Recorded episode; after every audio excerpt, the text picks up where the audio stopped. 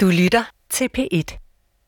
Ja, øh, det næste vi skal lave, det er det vi kalder træstammen, øh, hvor vi har en mand i midten, to mand på hver side, en på hver side. Det det handler om, det er jo tillid til hinanden, at man bliver grebet, og man ikke bare siger klask og ryger ned.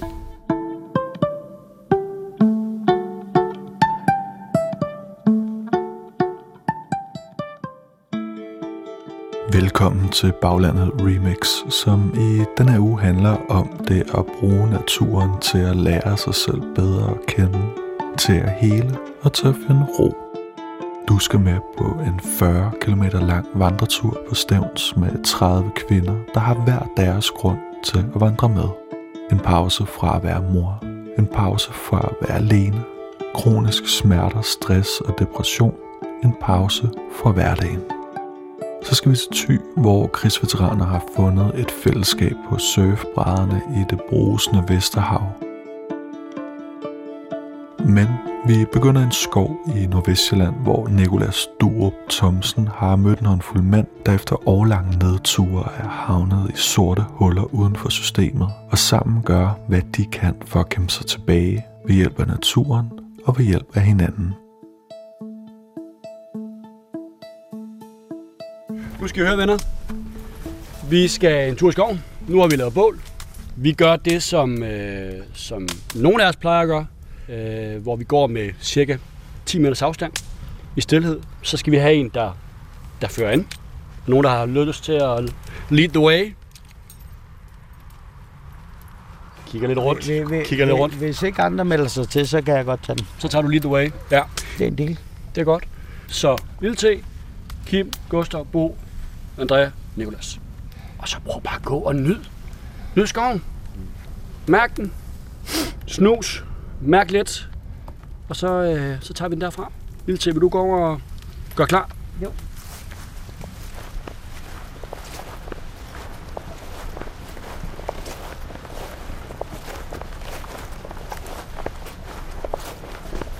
Roen breder sig, mens vi går der på en række i skoven. André på 35 år går lige foran mig i tre kvart bukser i kobberstof, en lyseblå polo og med sandaler, der stille og roligt bliver vådere og vådere, jo mere vi bevæger os gennem den fugtige skovbund. André bor i et treetagers hus i Hørve sammen med fire andre. Det er en beskyttet bolig, hvor der kommer personale flere gange om dagen. Og der har jeg besøgt ham. Hej, Hej, er det André? ja det er det. Hej André, jeg hedder Hej. Nikolas. Dag, Tak fordi jeg måtte komme. det var så lidt. Skal du se min værelse? Ej, Ja, jeg- jamen, gider du ikke vise mig lidt rundt? André viser mig hurtigt ind på sit værelse, som ligger for enden af fordelingsgangen. Jeg er i gang med at få ryddet op i tøjet og sådan noget. Ja, der er lidt rodet, Ja, men jeg er lige fået ned for tre uger siden. På værelset er der en seng med et sofabord foran. På bordet ligger en fjernbetjening, omgivet af drys fra Andrés hjemmerull. Hele sættet står klar. En 200 grams bøtte er mærket Escort Original Rød, en rullemaskine og selvfølgelig cigaretfiltre. Fjernsynet er, som i mange andre hjem, af en størrelse, der betyder, at det er noget af det første, man lægger mærke til, når man kommer ind i rummet. Og hvad ser du her? Du ser tegnefilm Scooby-Doo. Ja, det behøver simpelthen ikke at relatere til. Nej, Jeg havde nyheder, for der er ikke andet end død og ødelæggelse, så er det lettere bare at sætte en gammel klassiker på, så man bare kan sidde og grine lidt af og sådan noget. Og hvad så? Nu ligger der også lige nogle piller. Er det for... Det er min medicin. du Jeg er paranoid skizofren og har angst og depression samtidig. Okay, hele Molevitten. Ja, Hvad fanden, André? men jeg har det godt under omstændighederne. Okay, det er godt at høre. Ja, Jamen, øh, vil du vise mig resten af huset? ja det vil jeg gerne. Huset har både billiardrum, vaskekælder, to fællesstuer, to badeværelser og en stor altan. Og André har boet i det her hus siden 15. oktober forrige år. Og du boede før ved dine forældre? Nej, der Nej? boede jeg på Katrinedal. Men det var 24-7 bemanding, og det var jeg simpelthen for god til. Ja. Så jeg har så også en dårlig dag, men altså, sådan er det jo. Hvad så, øh, det her mandefællesskab, hvornår Ja. blev du en del af det?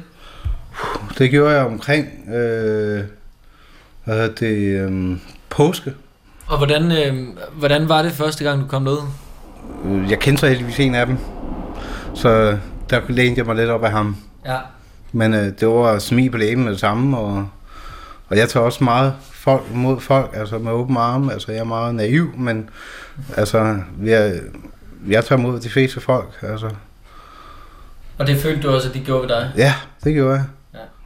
Men hvad så, nu har du, det her mandefællesskab, det er jo på baggrund af, at man ligesom er i, skal være jobparat, ikke? Aktivering. Ja.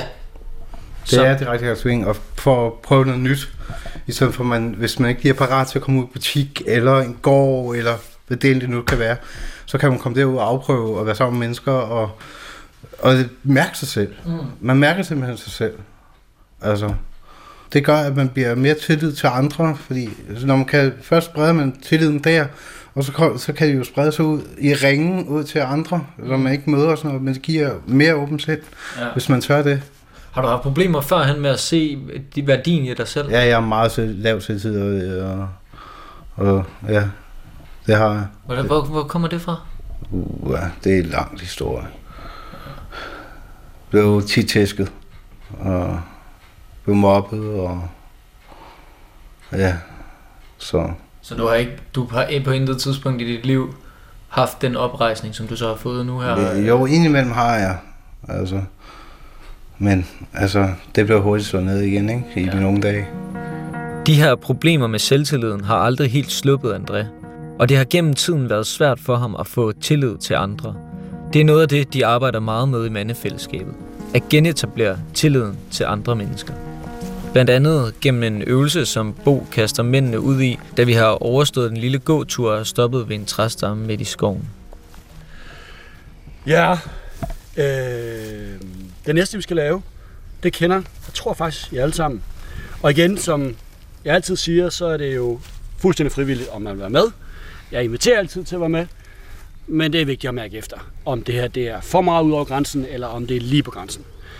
Det her det er det, vi kalder træstammen, øh, hvor vi har en mand i midten, to mand på hver side, en på hver side, så vi skal have en mand, der starter i midten, der har lyst til at starte med at lade sig føre som en træstamme, og det, det handler om, det er jo tillid til hinanden, at man bliver grebet, og man ikke bare siger klask og ryger ned på jorden. Og det øh, kan være en kan være, og har været for mig, da jeg startede i sin tid, meget grænseoverskridende at lade sig, at lade sig gribe af en anden. Øh, det kan der være alle mulige gode, gode grunde til, øh, hvis man nu ikke er blevet grebet i overført betydning tidligere. Øh, det kan også være for nogle grænseoverskridende at skulle tage imod. Kan jeg nu? Har jeg nu kræfter nok? Og der er det jo sindssygt vigtigt, at man starter faktisk helt op i lodret nærmest, ikke? og mærker, okay, hvor, hvor stor en gut er det her, og hvor, mange, hvor meget kræfter har jeg? Thomas melder sig hurtigt Ja. til den her øvelse.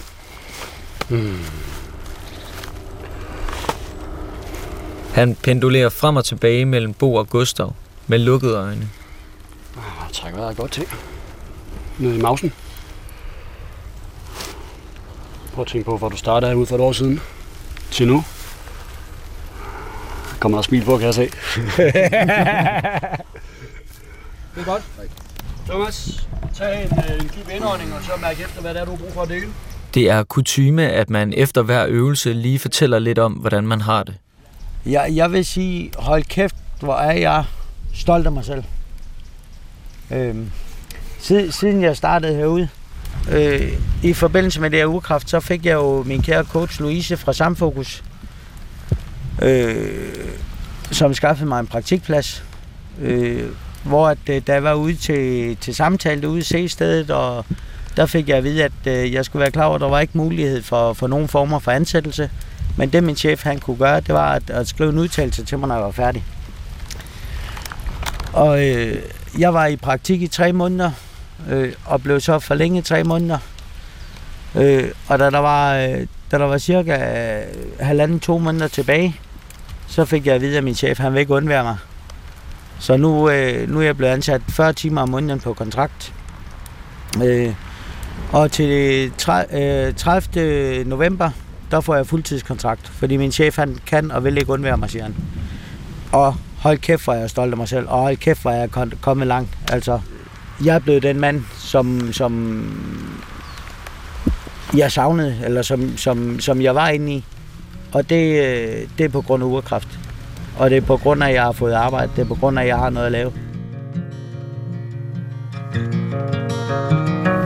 Og når I er klar, så åbner I øjnene. Men alt i skoven handler ikke om dybe samtaler og følelsesnak. Det handler også om at give afløb for alle de dårlige tanker og energier. Og det sker ret ofte, at der bliver råbt hæftigt i kor. Og nu smider vi alt det negative af helvede til.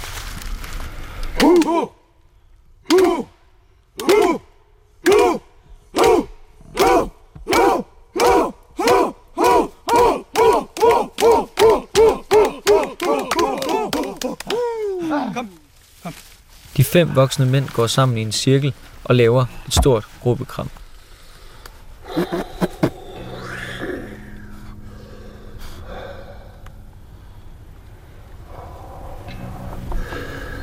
Hvor er kroppen? Sidre. Tak, Thomas.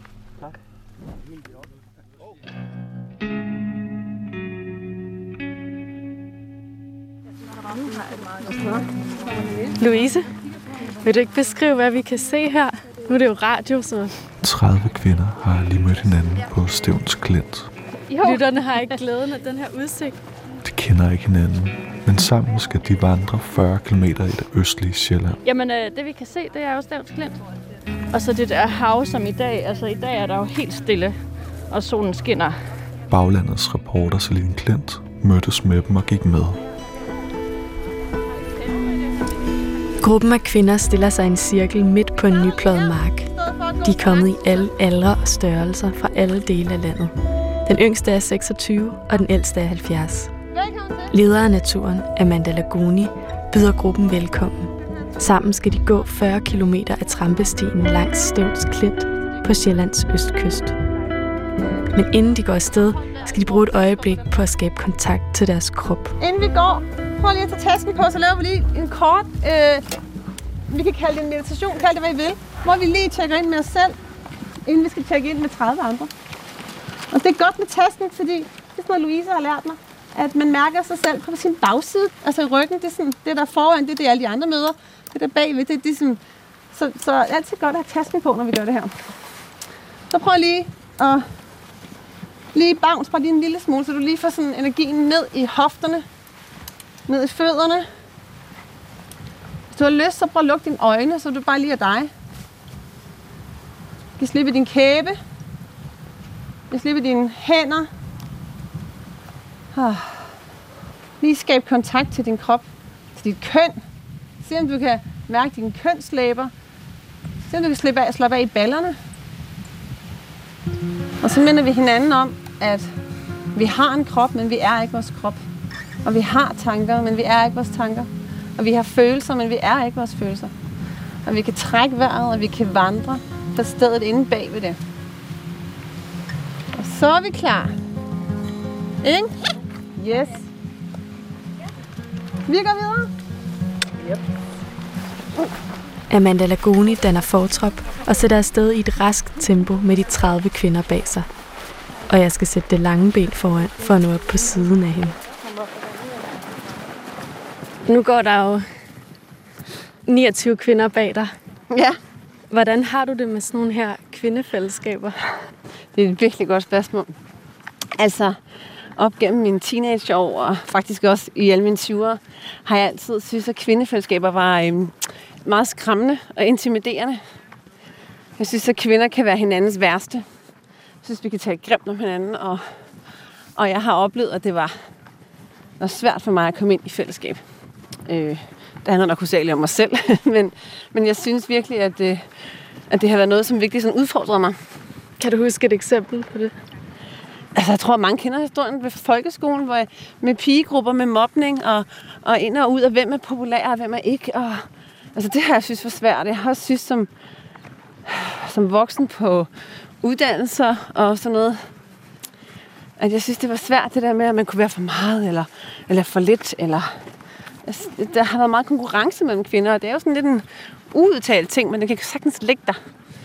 Øhm, og, øh, og da jeg så begyndte selv at skabe, øh, før Women's Hiking Club havde nogle andre kvindefællesskaber, jeg skabte. Men Og du så- opsøgte det, fordi du vidste, okay, der er noget, jeg har det svært med her. Eller Jeg opsøgte det, fordi jeg oplevede, at der var andre kvinder, der havde det ligesom mig. At det var rigtig svært med kvindefællesskaber. Det var rigtig svært øh, med veninder. Og, og så tænkte jeg, det må vi gøre noget ved. Og derfor skabte Amanda Lagoni kvindevandrerfællesskabet Women's Hiking Club sammen med sin veninde Louise Larsen, der går lidt længere ned bagved i flokken. Og egentlig var det Amandas gigsmerter og Louises hjernerystelse, der i første omgang fik dem til at begynde at vandre sammen. Louise, vil du ikke beskrive, hvad vi kan se her? Nu er det jo radio, så jo. lytterne har ikke glæden af den her udsigt. Jamen, øh, det vi kan se, det er jo Stavns Klint. Og så det der hav, som i dag, altså i dag er der jo helt stille, og solen skinner. Øhm, men nogle gange, så kan der være sådan tænder på havet her, og det kan være sådan meget råt. Og så får klinten sådan et helt andet udtryk, hvor den bliver sådan lidt barsk. I dag synes jeg, den ser meget sådan tuttenuttet ud egentlig. Hvad er din historie med at begynde at vandre? Altså, jeg har altid været rigtig glad for at gå, og jeg har også brugt det at gå sådan i mange situationer i mit liv egentlig. Øhm, før i tiden, jeg havde en depression som ung, og som jeg sådan gik mig ud af. Jeg kunne ikke holde ud at være sammen med mennesker, så jeg boede inde på Nørrebro, lige ved Nørrebroparken. Der er sådan cirka en kilometer rundt om, så hver dag efter arbejde, så gik jeg bare 10 gange rundt om den. Og så kom jeg ligesom sådan ud af mit hoved og, og kom tilbage til mig selv, så jeg fandt mig selv lidt på den måde. Og det var egentlig det, jeg sådan ligesom prøvede at drage lidt, lidt nytte af de erfaringer, jeg gjorde mig der, fordi jeg fik for fem, fem år siden fik jeg en hjernerystelse på mit arbejde, som var sådan ret voldsom. Jeg kunne ikke noget i altså flere år, hvor jeg ikke kunne noget som helst. Jeg kunne ikke læse en sms nærmest, og jeg kunne ikke cykle, jeg kunne ikke, kunne ikke se fjernsyn, jeg kunne ikke være sammen med nogen, og kunne ikke tage til fødselsdag, og kunne ikke spise med mine børn, uden at have ørebøffer på, og sådan nogle ting. Ikke? Altså, jeg var helt fuldstændig handicappet af den her hjernerystelse. Og det gør jo, at man mister fuldstændig, eller jeg gjorde i hvert fald, mistede min identitet. Jeg kunne ikke finde ud af, hvem jeg var lige pludselig, fordi jeg ikke jeg kunne ikke de samme ting, som jeg plejede at kunne. Øh, så jeg fik bare en gigadepression. Oven i hatten? Ja, altså sådan virkelig. Jeg var helt ude i tårn, ikke? Øh, så det var ligesom på alle parametre, var det bare noget rigtig lort. Øh, og det, øh, det vendte sig stille og roligt efter nogle år, hvor jeg sådan ligesom begyndte at... Og der var blandt... Altså, vandring var en af tingene, der gjorde, at jeg ligesom nu ved, jeg følte jeg hang ud over sådan en klippe, apropos Stævns Klint, ikke? Og man øh, lige kan nå sådan et ræb, og vandring var virkelig et af de ræb, jeg havde. Hvor jeg sådan følte, jeg kunne kravle tilbage på en eller anden måde. Jeg ved ikke, om det lyder åndssvagt, men det var sådan, jeg havde det. Det var ligesom sådan et holdepunkt. Jeg føler lidt, at jeg vandrede mig tilbage til, til livet og til mig selv, og fandt ud af, hvem jeg var. Det er sådan, der er mange terapitimer øh, sparet på de her vandreture, vi har sammen med Amanda. Altså vores private ture, ikke? Man, man får mange ting vendt, og man får lagt mange ting på de der ruter, og kommer ligesom igennem det. Så, så det var egentlig derfor, vi begyndte at vandre sammen. Det var fordi, det var det, det, var det jeg kunne. Altså, jeg kunne ikke tage til koncerter, jeg kunne ikke tage på café, og skulle være ude i naturen. Og der er også noget med det der med, når man går, man, man kigger ikke på hinanden. Har du lagt mærke til det? Altså, vi to har haft øjenkontakt, hvad? Har vi overhovedet haft øjenkontakt, mens vi har gået og talt? Man kigger ikke på hinanden. Og det gør, at man er helt fri på en anden måde til at tale.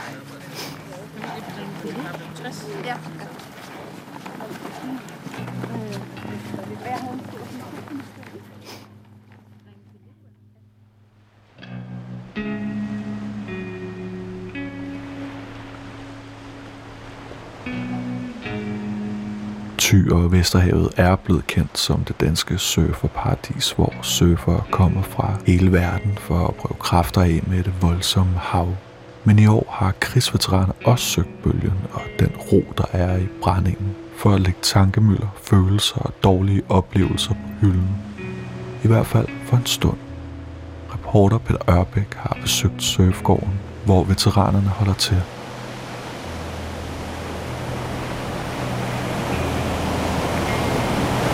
Jamen, øh, nu har vi fået øh, vores våddragter på, og lige øh, fået øh, vokset bordsene, og så er det egentlig bare ude i vandet. Jeg glæder mig. Jeg glæder mig virkelig meget til at komme ud. Hvad er det, du glæder dig til? Øh, primært at få ro i hovedet. Så det, øh, det er jo en af de ting, jeg har fundet ud af med det her. Det er, at jeg kan abstrahere fra min øh, tankemøller og sådan noget, når jeg endelig kommer ud i vandet. Jeg mødte en veteran, som kom i min forældres øh, takeaway, og øh, han øh, ja, havde nogle gode snakke med ham, Og han fortalte jo lidt omkring, hvad det gjorde for ham med at være på vandet og bruge friluftsliv til at komme sig efter sine oplevelser. Og det var egentlig meget, øh, ja, øh, rørende og meget sådan, øh, ja, det er sådan en meget stærk øh, erkendelse af, hvad, hvad det var, ligesom man også kunne bruge havet til. Ikke? Jeg har altid brugt det, fordi ud fra mit eget perspektiv, man aldrig måske sat noget, nogle ord på, hvad det var, det kunne gøre. Det, det var han også med til sådan at, at forme lidt. Hvordan håndterede du så det her med tankemøller, før du fik sådan professionel hjælp? Jamen, øh, jeg begyndte øh, at ryge cannabis for at få ro på mit hoved. Og det, det hjalp jo meget i starten. Og øh, til sidst så udviklede det sig bare til, at man ja, til et decideret misbrug, hvor man sidder og ryger hver dag. Og det, det er jo også træls. Så er det, er det så det cannabismisbrug, som der får dig til at slå øjnene op for, at du, du er nok nødt til at komme videre? Eller er der nogen, der skubber til dig, eller, eller hvordan opsøger du hjælp? Ej, jeg bliver nok skubbet til, øh, til at starte med, inden det egentlig går op for mig, at jeg har behov for hjælp. Så når man er i et misbrug, så, så kan man jo ikke rigtig, i hvert fald fra min side, så kan man ikke rigtig se det eller erkende det, at man har, at man har brug for at, at komme ud af det. Og på den måde kunne komme videre. Og det, der havde jeg så noget, noget familie, der ligesom øh, tog fat i mig og, og fik mig til at erkende det simpelthen. Til at begynde med, så sagde du, at øh, du kom hjem fra din udsendelse, og, øh, og så var der nogle ting, der satte sig i dig, som der måske også havde råd til noget fra før du blev sendt. Hvad, hvad, hvad drejede det sig om?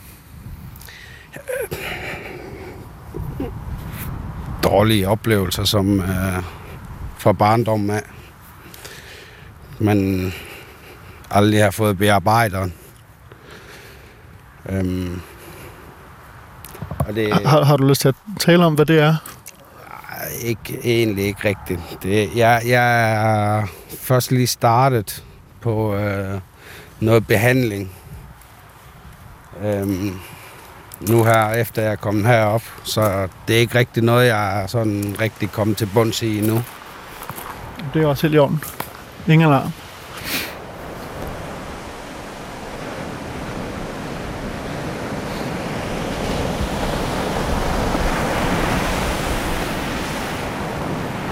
I dag viser Vesterhavet sig ikke fra sin flotteste side. Vandet er en smule mindre gråt end himlen, men bølgerne er der, og derfor er surferne på plads. Fra kysten kigger jeg på de fem fra surfgården, som sammen venter på de rette sæt af bølger. Deres sorte våddragter ligner silhuetter i havet, og de bevæger sig i takt med bølgerne. Bjørn og Jakob er trukket længere mod nord end resten af gruppen, efter at Jakob har fanget en bølge. Så kommer Jakob og Bjørn ind til kysten, hvor jeg har ventet på dem i over en halv time. Er det godt derude, det her? Ja. ja, det var fedt. Det var rigtig fedt. Hvordan var vandet? Altså, det så ud til, at det tog lidt til. Ja, jeg føler også, at bølgerne blev sådan gradvist større. Vinden er også taget lidt til. Men vandet er ganske dejligt varmt. Altså, jeg sveder lige nu. Ja, det gør jeg også. Gør du Det gør jeg. Og hvad med, hvad med de tanker, du havde oppe i hovedet, før du kom ud? Hvordan går du med dem nu? Jamen, det var... Ja. Væk. Så jeg har lyst til at bare hoppe derud igen. Så...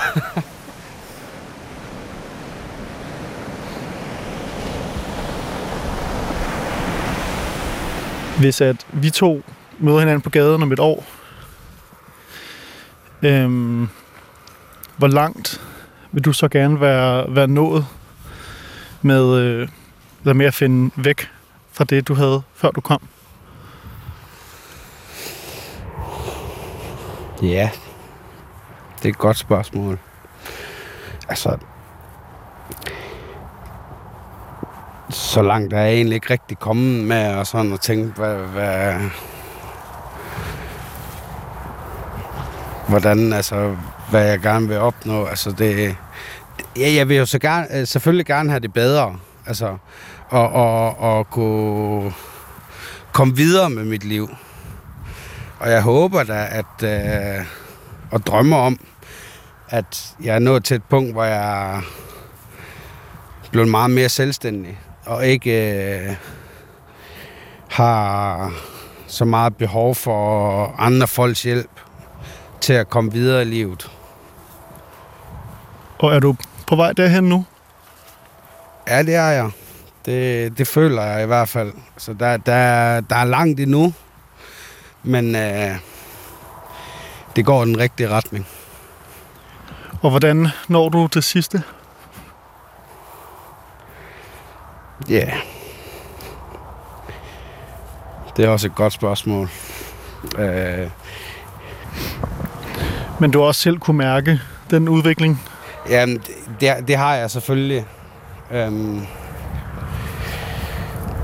jeg kan godt mærke på altså, måden, jeg tænker på, og jeg er blevet... Jeg har fået mere, mere fred, kan man sige.